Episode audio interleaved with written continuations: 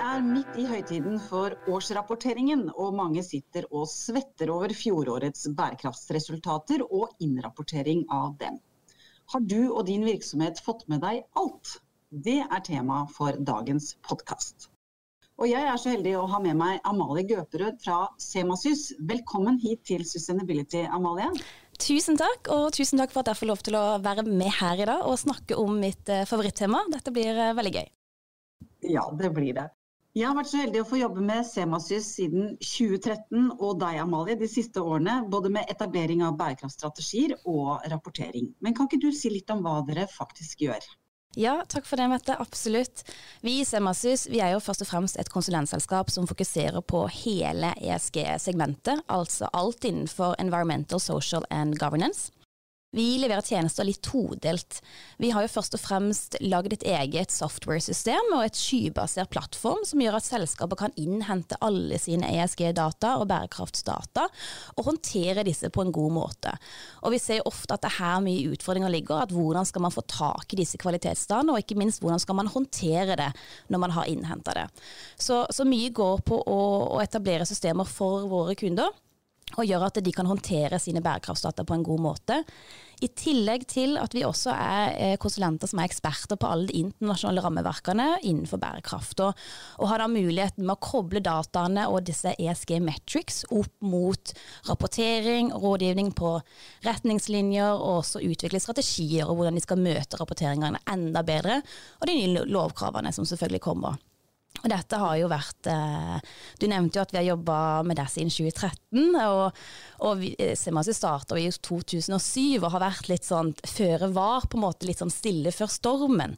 Så det er jo egentlig de siste årene hvor det har vært en, en utrolig stor vekst. Og vi jobber nå med over 500 kunder rapporterer, som rapporterer fra over 70 land. Så det er blitt, eh, blitt en stor en stor utvikling innenfor dette her området, og det er jo også nettopp hvorfor vi har denne, denne praten her i dag, da. Ja, fordi det, det, jeg oppfatter er at det er jo mange kunder som trenger hjelp til å sy sammen mange deler av bærekraftsarbeidet sitt. Altså det er såpass omfattende og det kommer så mange krav. Og det du forteller om vitner jo om akkurat det. Og, det er jo her også vi i Sustainability bistår med å veilede i disse mm, prosessene. Men hva er ditt inntrykk av, bærekraftsstatus status ute hos norske selskaper i dag? Ja, eh, godt spørsmål. Og du, du, nevner litt at eh, man må sy sammen eh, litt hvordan alt henger sammen egentlig til kundene. Og det er jo egentlig mer et lappeteppe som blir, eh, som blir satt på plass her. Så, så vi ser jo veldig helt klart en utvikling og en modenhet i selskaper. Og så er jo vi så heldige som får lov til å jobbe med selskaper som ofte har tatt et aktivt valg om at nå skal de starte.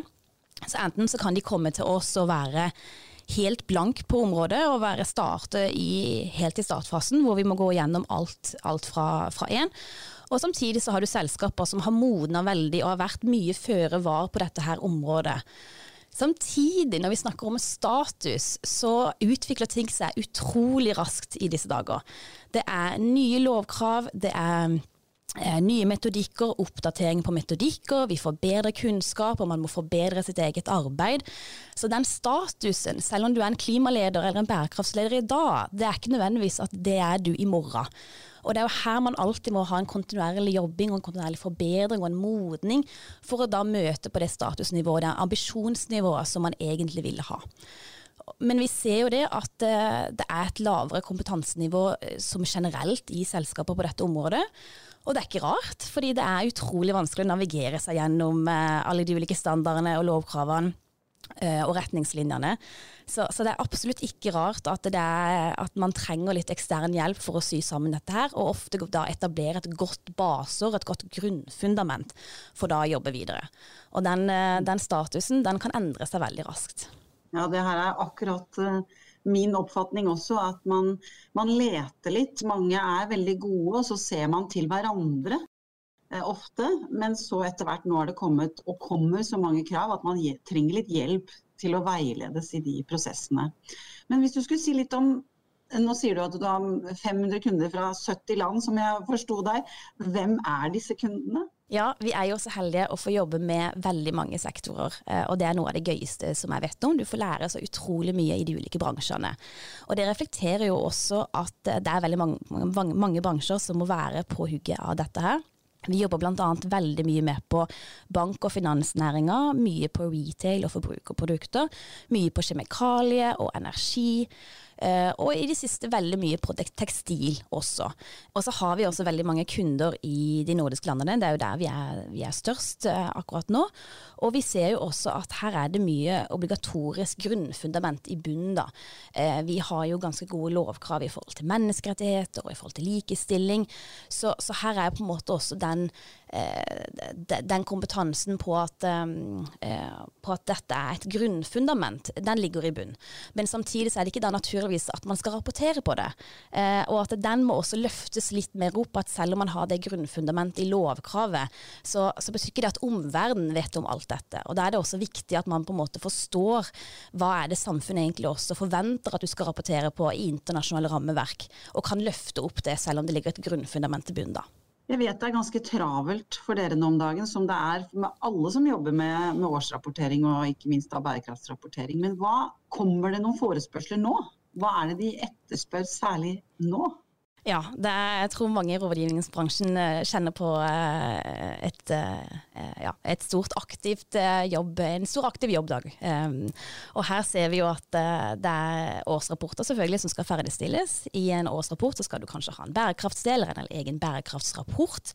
Den skal helst være i tråd med en internasjonal rammeverk, sånn som GRI, Global Reporting Initiative.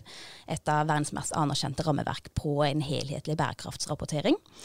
Eh, innenfor der så bør du ha et klimaregnskap. Eh, det bør være for året 2021. Eh, det vi ser nå er jo også at mange begynner å inkludere litt mer av de indirekte utslippene i verdikjeden og begynner å løfte opp den rapporteringa bare fra det som er litt sånn obligatorisk i forhold til hva som er bare utslipp fra din egen virksomhet, men også å dra dette nedover og sette et ansvar til både forbrukere eh, og hvordan dine, eh, forbruk, eh, hvordan dine produkter eh, har et utslipp gjennom oppstrøm og nedstrøm, og også fra da leverandørkjedene. Så, så det er mye, mye som skjer på det området. I tillegg til så er det jo EU-taksonomien som, eh, som, begynner å komme nå, og at man må Her i Norge så blir jo den eh, iverksatt litt, litt senere i år, men, men, vi har bedrifter som vil være mer føre vare, og også rapportere på det allerede nå. Så, så her er det litt sånn ulike spekter eh, på, på, vinklinger på hva de ønsker å få med. Det er jo den helhetlige bærekraftsområdet som man ønsker å få på plass, og ikke bare én del av det. Eh, og så er det jo sånn litt nettopp det vi snakka om i stad, i forhold til status. Um, så kan man noen være veldig gode på ett område. Noen kan ha gjort et klimaarbeid i mange år og har utvikla det og kan anerkjenne seg selv som mer en sånn klimaleder i sin sektor, men som ikke nødvendigvis har så god rapportering på de sosiale områdene eller de samfunnsmessige områdene. Så her er det også gap i forhold til på hvilke nivåer du er innenfor de ulike temaene. Uh, og når man leser bærekraftsrapporter, så bør man også være litt obs på akkurat det at du har den helhetlige tilnærminga. Uh, og at du modner på alle områder. Og vi ser jo også veldig mye det siste året nå, vi snakker om nå 2021, at det har vært en stor modning på det sosiale spekteret. Og en stor modning i forhold til rapportering på menneskerettigheter. Uh, og hvorfor også vi får nye lovkrav på dette her området. Så, så det å ha en kombinasjon av, av alle de ulike områdene som påvirker din virksomhet. og og så er det jo nettopp det at når man har bærekraftsrapportering, så skal dette her ha fokus på altså hva er de gode og dårlige sidene ved din virksomhet, eh, og hvordan påvirker eh, en endrende verden din virksomhet. Og da er det å ta et, et helhetlig perspektiv til grunn. Hva er det de må ha med seg for året 2021, eller absolutt bør ha med seg eh, hvis man nå plutselig fant ut at man, vi må jo ha en bærekraftsdel på plass for året 2021? Ja, og, og, og, hva som man må ha med seg, og hva som man bør ha med seg, det er jo for min del to sider av samme sak, egentlig. For det, det, det, som man bør ha med seg, det er jo også litt sånn hygienefaktorer. Altså litt sånn det grunnleggende hva man bør inkludere. Og her er det da å ha en helhetlig tilnærming til bærekraft. Eh, man bør ha en rapport som er i tråd med et internasjonalt rammeverk, sånn som GRI. Og det er jo også det mest anerkjente rammeverket, og det mest vanlige her i Norden å rapportere på når man har en helhetlig bærekraftsrapport. Og da bør du ha til grunn en vesentlighetsanalyse og gjort deg opp noen meninger og tanker og funn, ikke minst at det støttes opp av, av faktiske funn på hva som er din påvirkning og de negative og positive sidene og, og, gjennom virksomheten. Da. Så det bør være til grunn et, um, en vesentlighetsanalyse som, som, da drar med seg hva du skal gjøre videre, og legger til grunn uh, en utvikling og en modenhet i forhold til de temaene som man da definerer som mest vesentlige. Eh, så det er på en måte det første steget. Uh, og her kan man også koble på interessenter og validere de funnene med, med, samfunnet, sånn at man er sikker på at man treffer på det man bør rapportere på også. Uh, og her er det også da inkludert klimaregnskap. Hva man bør ha med er jo da skop 1 og skop 2, altså de utslippene som virksomheten eier og har kontroll over.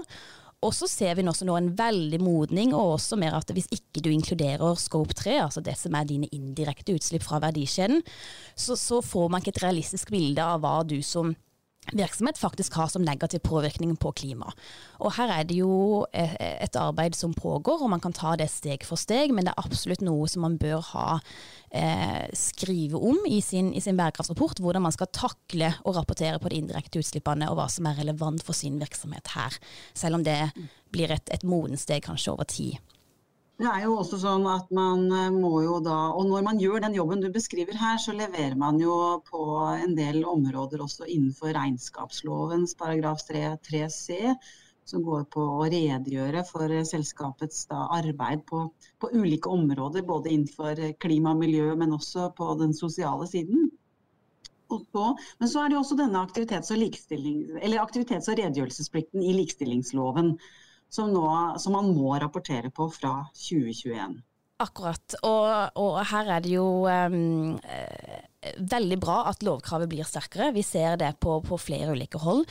Uh, og akkurat i forhold til uh, regler for samfunnsansvar, så, så på en måte så treffer man lovkravet med å, å ha den bærekraftsrapporten i um, Eh, i henhold til GRI sine retningslinjer. Da vet man at man treffer på det. Eh, den loven beskriver også at du skal, ha, du skal definere din egen påvirkning på miljø. Den sier ikke hvordan du skal gjøre det, men, men, det er klart at du kan ikke definere din egen påvirkning uten egentlig å ha et klimaregnskap.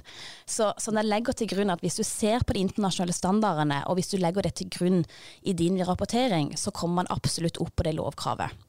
Det er mulig noen syns vi nerder veldig nå, men dette her er faktisk utrolig viktig for å, å være da å etterleve både norsk lov og regelverk, men også for framtidig rapportering. Og, og, det kommer jo en rekke nye krav framover. I det bildet, hva kan du si er god rapportering framover? Er det flest, altså treffe på flest mulig sånne rapporteringsstandarder, eller hvilke standarder bør man nå se videre på? Ja, og å navigere seg også gjennom disse standardene kan jo være også utrolig vrient for selskaper. Altså Vi ser jo altså ordet TCFD, CDP, GRI, GHG. Altså Jeg skjønner veldig godt at dette er eh, utfordrende for selskaper å navigere seg gjennom. Men heldigvis har man også nå funnet noen standarder som er de, eh, de mest vanlige og de mest anerkjente standardene. Eh, og det som legges til grunn her, det er jo uh, nummer én en bærekraftsrapport i henhold til GRI, Global Reporting Initiative. Fra der så bør du ha et klimaregnskap i henhold til GHG-protokollen, uh, og utføre det og sette det opp på den måten gjennom den metodikken. Eh, I tillegg så bør man ta eh, og ha fokus på EU-taksonomien, og hvordan man skal rapportere på det, og hva som treffer din bedrift gjennom det. Så det er et kartleggingsarbeid som må gjøres der, for å se på hva dine aktiviteter som kan bli det vi kaller som eligible i, i eh, taksonomiformen. og videre så er det jo åpenhetsloven som treffer inn her i Norge. Her er det da utrolig viktig å ha kontroll på dine egne leverandører og også mitigere brudd på menneskerettigheter gjennom verdikjeden. Og da snakker vi helt til, ned til første ledd i, i verdikjeden. Så, så, det ligger utrolig mye kartleggingsarbeid framover. Eh, I tillegg til at klimarisikoer eh, er veldig høyt på agendaen, og også veldig relevant å rapportere på. Det er klart at det er veldig mye som, som treffer din bedrift og kommer til å påvirke din bedrift i årene framover. Så du har et litt sånn todelt rapportering. Det ene er jo hva som er eh, hvordan din bedrift påvirker miljømessige og sosiale forhold gjennom verdikjeden. Samtidig så har man et perspektiv på hvordan lovkrav og nye markeder og endringer til å og klimaendringer kommer til å påvirke din bedrift. Og hvilke finansielle Eh, påvirkninger ligger også til grunn der. Hvilken, eh, hvilken, impact har faktisk det for deres bedrift. Og dette er jo også hva som eh, investorer er utrolig interessert i å høre om, og har vært en pådriver av i mange år for å få den informasjonen og få på plass den, den kompetansen i selskaper. Så når man skal definere hva man skal rapportere på, er det selvfølgelig nyttig å se på de ulike interessentgruppene. Eh, men selv om du kanskje er et selskap som ikke har investorer eh, og, og, trenger ikke å rapportere på klimarisikoer på den måten, så er det jo klart at det er utrolig relevant eh, og gunstig å se på hvordan faktisk den omverdenen man lever i vil påvirke din egen bedrift finansielt. Og det er jo noe man kan styrke sitt eget selskap i årene framover. Det her var mange gode tips til eh, de som skal i gang med bærekraftsarbeid eller er godt i gang. Dette er jo eh, hva skal jeg si, ganske dynamisk, hvordan man hele tiden må forberede seg på de kommende standarder og regelverk som vi som jobber med bærekraft, vi er i hvert fall veldig glad for at vi nå får en veldig mye mer fokus på, på nettopp bærekraft. Eh, til slutt, Amalie. altså Semasus eh, dere utvider, og du selv reiser ganske snart til USA for å jobbe derfra. Hvordan ser du videre på markedet for bistand til bærekraftsrapportering og strategier? Ja, ja som du nevner så åpner Semasis et kontor i Boston i år, og vi gleder oss veldig veldig til det. Eh, altså Bistand til, til, bærekraft kommer bare til å øke. Eh, nettopp som vi har snakka litt om, så er disse standardene fortsatt ganske forvirrende. og man bedrifter har kanskje også litt vanskeligheter for å se på hvordan dette, alle disse komplementerer hverandre, eh, og hvordan de utfyller hverandre, hvordan man skal starte. Så, så vi har jo veldig stor tro på at, eh, på at vår sektor kommer til å, å, øke de neste årene. Og det ser vi også på hvilke lovkrav som kommer. Og bare i USA så er det utrolig spennende lovkrav nå oppe på høring. Annet en i California som at enhver virksomhet som har business i California over en viss sum, må da faktisk rapportere på sine scope 1, 2 og 3-utslipp. Altså alle utslipp som ligger i, eh, i de virksomheten eier og kontrollerer, og i tillegg til verdikjeden. Og det er et av de sterkeste og strengeste lovkravene vi ser på akkurat det når det kommer til klimaregnskap f.eks., og vil eh, revolusjonere det USA-markedet i forhold til hva som Eh, hva de må rapportere på, og ikke minst hvor raskt dette må på plass. Eh, som selvfølgelig også vil være en stor pådriver på, på å få ekstern hjelp. da. Og så handler det også om å bare få et godt baseår, et godt fundament til å jobbe videre. Og Det er jo det vi i Semasis også ønsker, at vi vil at selskapene skal få eierskap og bli, eh, og bli selvstendige i eh, rapporteringsrutinen sin, og også i forhold til våre systemer, hvordan de kan innhente denne dataen hvert år. Jo mer selvstendige kundene blir, jo mer eierskap får de over sin egen data, og jo mer ambisjoner og jo mer virkninger kommer det også til å få. Så, så målet er jo at alle skal bli så selvstendige som mulig, men det er klart at i et marked sånn som bærekraft, hvor, hvor ting ting endrer seg hele tiden, hvor det er kontinuerlig forbedring på alle de ulike standardene, så er det klart at det er vanskelig å navigere seg gjennom dette her alene. Tusen hjertelig takk til deg, Amalie, og lykke til videre med arbeidet. Vi i Sustainability takker for at du hørte på oss. I studio var Mette Fossum programleder, og Jonas Bjørnes var produsent. Vi høres igjen.